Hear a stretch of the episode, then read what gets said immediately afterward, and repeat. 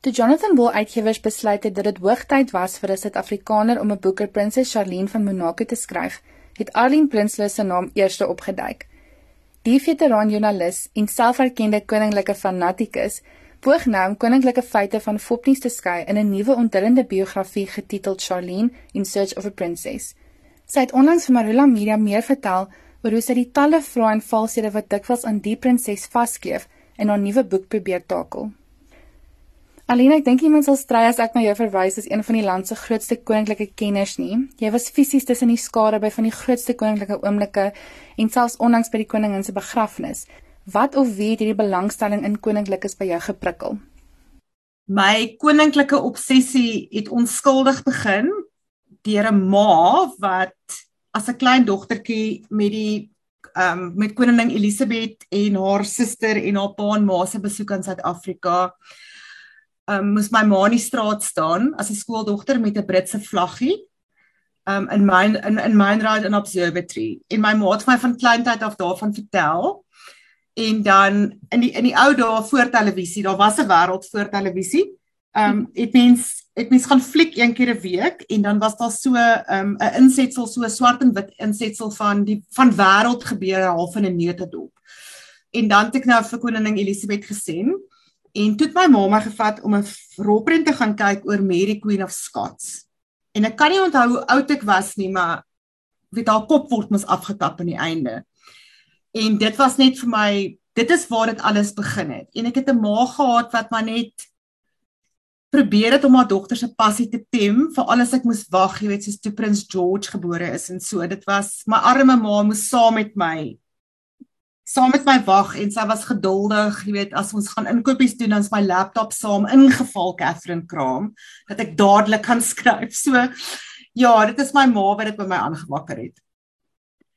In Search of a Princess is jou eerste boek, maar waarom Prinses Charlene bo een van die Britse koninklikes vir jou eerste boek kies? Die die boek het oor my pad gekom. Ek het nie die boek gaan soek nie. Ek is baie bevoorreg dat dat Jonathan Ball die vertroue in my gehad het en gedink het dat dit is hoogtyd dat daar 'n boek geskryf word deur 'n Suid-Afrikaner oor Charlene Woodstock wat nou 'n prinses is. So, ehm um, dit was hulle idee En dit is my eerste boek, ja. En ek hoop almal sê altyd eh, blykbaar as mens se eerste boek klaar geskryf het, dan sê jy nooit weer nie wat ek sê en dan sê almal maar dan by die gogga jou. So ek sal baie graag regtige biografie oor haar wil skryf wat wat deur haar gemagtig word, wat ek haar samewerking het en die mense om haar. Ek dink sy verdien nog 'n boek. Ek kan dink so 'n boek verg natuurlik baie intense navorsing, baie baie oproepe en van wat ek kan aflei ook 'n paar ongeantwoorde navrae. Kan jy ons bietjie meer oor hierdie navorsingsproses vertel? Ja, mens mens moet onthou dat hierdie is 'n ongemagtigde ehm um, biografie. Wat beteken ek het nie ek het nie amptelike of nie amptelike samewerking gekry van van die paleis van die prinses of van enige van die mense in, in haar binnekring nie ek het probeer. Um ek het die paleis genader. Ek het haar familie, ek het haar stigting genader. Um mense kan verstaan dat hulle haar wil beskerm, maar daar is so baie oor haar reeds in die openbaar geskryf dat dit het my maande gevat. Ek het artikel op artikel op artikel weet nagevors op die internet en dan het ek dit teruggevat na die as ek sou kan sê na die oorspronklike artikel toe. So as dit in Frans was, dan moes my arme vriendin in, in Frankryk moes lees want ek wou nie net op Google Translate werk nie, dan moes sy vir my lees en vir my die weet die intonasie en goed verduidelik en dit hou met die met die met die Duits. Ehm um, so dit daar was baie navorsing ja en ek het hopelik elke bron aan erkenning gegee want daar is dit nogals baie erg. So ja, dit dit was baie navorsing en natuurlik dit is nie net ehm um, goed wat aanlyn verskyn nie. Jy weet, daar's daar's video's van hulle met onderhoude. Sy was al baie in Suid-Afrika met met baie video insetsels en natuurlik ek het was gelukkig genoeg om met joernaliste te praat wat al indringende onderhoude met haar gevoer het in Suid-Afrika wat wat vir jou 'n bietjie meer kon vertel van jy weet hoe sy haar hande gebruik, hoe sy sit, die tipe van mens wat sy is sy kom in, sy praat letterlik met almal. Dis nie net sy praat nie net met die joernalis nie, sy praat met die grimeerkunstenaar, die ou wat die klere indra. dit sê nogals vir baie van haar persoonlikheid. Hmm. As 'n joernalis verstaan jy ook beter as enige iemand die enorme rol wat die media speel om bekendes en koninklike se narratief te beheer. Wat moet mense dan nou glo en hoe kan ons onderskei tussen fopnuus en feite wanneer dit by hierdie mense kom? Ek dink 'n mens moet soveel moontlik bronne raadpleeg want daar is daar's definitief um so 'n skindernes groepie weet tabloids veral in Brittanje maar nou met die boek het ek gesien ook in in in Duitsland en in Italië wat wat letterlik you um as jy op 'n onbewaakte oomblik as Cinema Charlene trek haar neus op dan word dit 'n jy weet 'n groot storie. Sy het een keer ook in 'n onderhoud gesê dat sy daar was 'n gesinsfoto van hulle en sy is afgesny vir die voorblad dat dit net Albert en die, en die tweeling is. So daar's daar's mense moet mense moet altyd kyk dat ja ja wie vertrou jy? Lees so wyd as moontlik. Um en ek glo maar altyd ja 'n paleis probeer altyd die die mooi aansig van van koninklikes vir jou wys. As iets as as iets ernstig gebeur, soos 'n egskeiding, dan gaan dit kom van dit gaan kom van die amptelike bron af en dit is die paleis.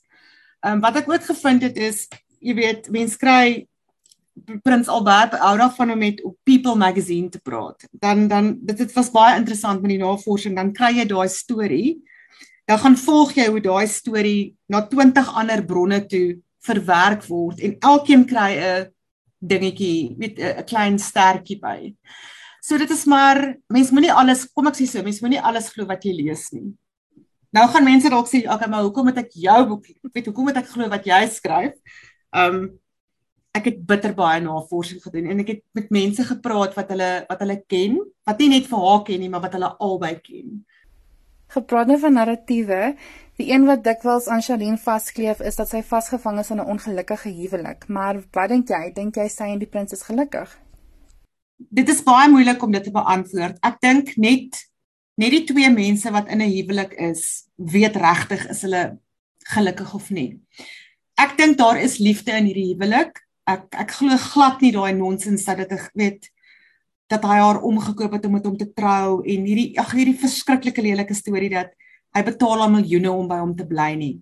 Dis nonsens. Hy het genoeg geld om meer as genoeg geld om om van Charlene te skei as hy wil. Um en haar ter duisende euros per maand te betaal. Ek glo hulle is lief vir mekaar. Ek dink na 10 jaar van getroude lewe en dit is dit is regtig hy het geweet die vrou met wie hy gaan trou gaan 'n gaan 'n verskriklike lewe lei. En ek dink sy het gedink sy's reg daarvoor. Ek dink nie enige mens is ooit reg om in so iets in so 'n verskriklike rol in te stap wat jy weet as jy as jy gaan as jy vinnig iets doen en jy plakkies aan dan jy weet daar's daar was daar's koninklike sulke blogs waar, waarop ek afgekom het wat hulle afgryslike lelike goed oor Charlene skryf. Dit was regtig dit het my hart regtig seer gemaak. So daai kollig is verskriklik vel. Ek dink ek dink sy is nog in die proses. Ek dink haar beste jare kom nog. Ek dink regtig so. Ek dink sy was sy het 'n gesondheidsterugslag gehad ek respekteer die feit dat ons nie 180% weet presies wat was fout nie want te mense mense gesondheid is tog maar 'n persoonlike ding. Ek dink daar ek dink daar is liefde en ek dink hy gee nou vir haar die ruimte om want sy is nie baie in die openbare oog nie. Wat vir my sê sy kyk na haarself. Um en sy maak tyd vir haarself en sy maak tyd vir haar kinders. En ja, dit is dis baie moeilik, né, maar ek dink ek het nou al genoeg gesê om te sê ja, ek dink ek ek ek kan nie sê hulle is dolgelukkig getroud nie, nee. Ek bedoel enige huwelik het baie faktore van wat 'n invloed het. Maar ek dink as dit net hulle twee is saam met die twee kinders in daai plattelandse woning van hulle buite Monaco, dink ek hulle is maar net het 'n gewone meneer en mevrou Grimaldi en sy kook vir hulle uit Prinses Grace se kookboek uit. Ek dink dan is hulle gelukkig. Ek kan dink dit is baie moeilik om oor iets aktueel te skryf want enigiets kan verander in die tyd wat jy aan die boek werk. Hoe het jy dit aangepak en hoe bepaal mens die afsnypunt vir so 'n boek?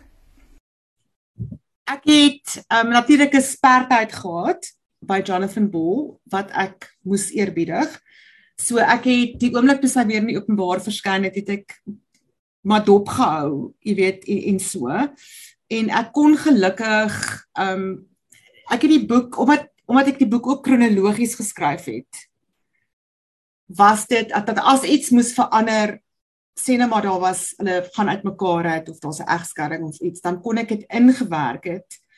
En ek gaan ook nou nie verklap soos jy gesê het nie, maar as mens daai eerste inleiding lees, dan ek het ek het ek het dit so half oopgelos jy weet dat dit kan na enige van die twee kante toe gaan. Ek was gelukkig geweest dat omdat dit so weet um, iemand submos die die teks in goed en ek kon gelukkig ek het daar was ek het bietjie te min woorde geskryf so ek kon bywerk en omdat ek vinnig skryf kon ek al daai laaste of ehm um, selfs die Noorwe besoek ek kon alles inkry. Ja mens is maar 'n bietjie jy weet van van dit van dit jy die boek laat gaan en hy word geset en hy word gedruk.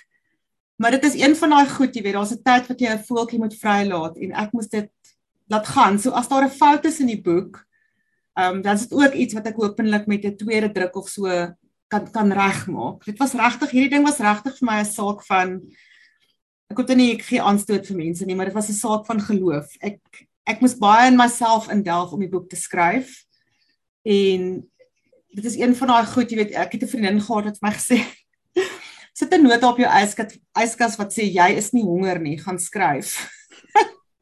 want 'n mens soek enige verskoning, né, want jy is jy's oorweldig deur deur navorsing en mense met wie jy praat en mense wat nie met jou wil praat nie of hulle praat met jou en 3 dae later dan sê hulle vir jou ek wil niks met die boek te doen hê nie.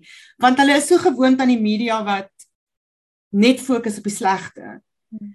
Dat ehm um, Ja, dit was nogal 'n eislike taak geweest. Om verslaggewing te doen en 'n boek te skryf is natuurlik twee heeltemal verskillende prosesse, maar het jy dit geniet? Was dit vir jou 'n groot uitdaging geweest? Dit was nogal 'n aanpassing want ek is nie ek was in my loopbaan nie ehm um, weet iemand wat elke dag geskryf het nie. Ek skryf net oor oor koninklikes. So en jy weet jy skryf en jy maak klaar en dit dit gaan in die, in 'n gedrukte produk of dit gaan aanlyn en as daar 'n foutjie is dan maak jy dit vinnig reg aanlyn waar 'n boek is soos 'n hy lê net hier vir maande. Hy dit dit daar's dit voel of daar nooit 'n eindpunt in sig is nie. Dit is vreemd. Ek het begin skryf en gedink liewe hemel, hoe gaan ek weet X aantal hoofstukke kan skryf en toe ek weer sien toe ek in die helfte en toe ek weer sien, dis ek amper klaar en toe sit dit soos in maar dit was nou te vinnig. Dit dit ek wou net nog ek ek kan verstaan dat mense vir 2, 3 jaar aan 'n boek werk. Ek bedoel ek sou baie maklik dit is dit is ja, maar daar's 'n reuse verskil tussen om 'n boek te skryf. Ek het moet net sê na hierdie ek haal my hoed af vir, vir skrywers, veral vir ondersoekende joernaliste. Ek dink hulle verdien almal medaljes.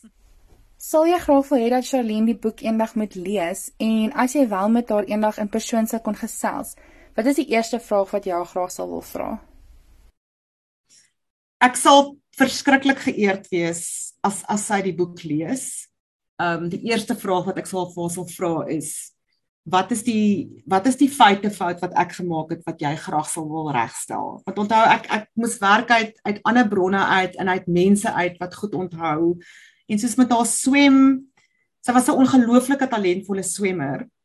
Ehm um, daar's daar's ek was gelukkig dat ek mense gekry het om met my te praat, maar ek sal bietjie graag meer by haar wil weet. Sy sy verwys altyd na die dissipline wat swem haar geleer het en hoe dit haar help in haar nuwe lewe en dit is die ander ding hoekom ek dink sy sy gaan nog ingroei in hierdie fantastiese prinses van Monaco rol want sy het daai dissipline en daai deursettingsvermoë as 'n Olimpiese swemmer wat haar gaan nog gaan dra.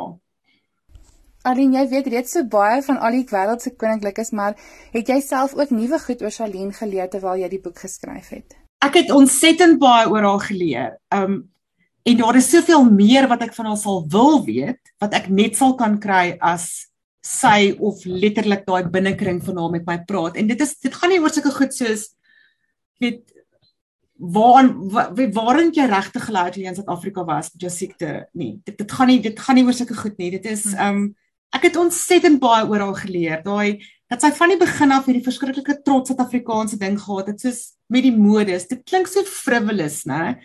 Maar om soos aan te dring dat daar proteas en bruidsblommetjies is op jou troue. Dat daar Suid-Afrikaanse wyn is op jou troue. Um dit is vir my en en dan die ander ding is dat sy hierdie dat, dat sy nog kontak het met die mense wat in haar swemloopbaan vir haar baie gedoen het. Uh wat wat gebel is met die geboorte van die kinders voordat dit amptelik bekend gemaak is om te sê, jy weet, sy het die tweeling gehad, sy is geswet en wat nog kerskaartjies van haar afkry. Ja, sy het 'n kantoor en al sulke goed, maar bro, sy kan daai name doodtrek. Sy sy, sy sy sien daai mense bitter min, maar sy doen dit sy doen dit nog steeds. Sy sy hou daai band met Suid-Afrika lewendig. Ek ek dink dit is wonderlik.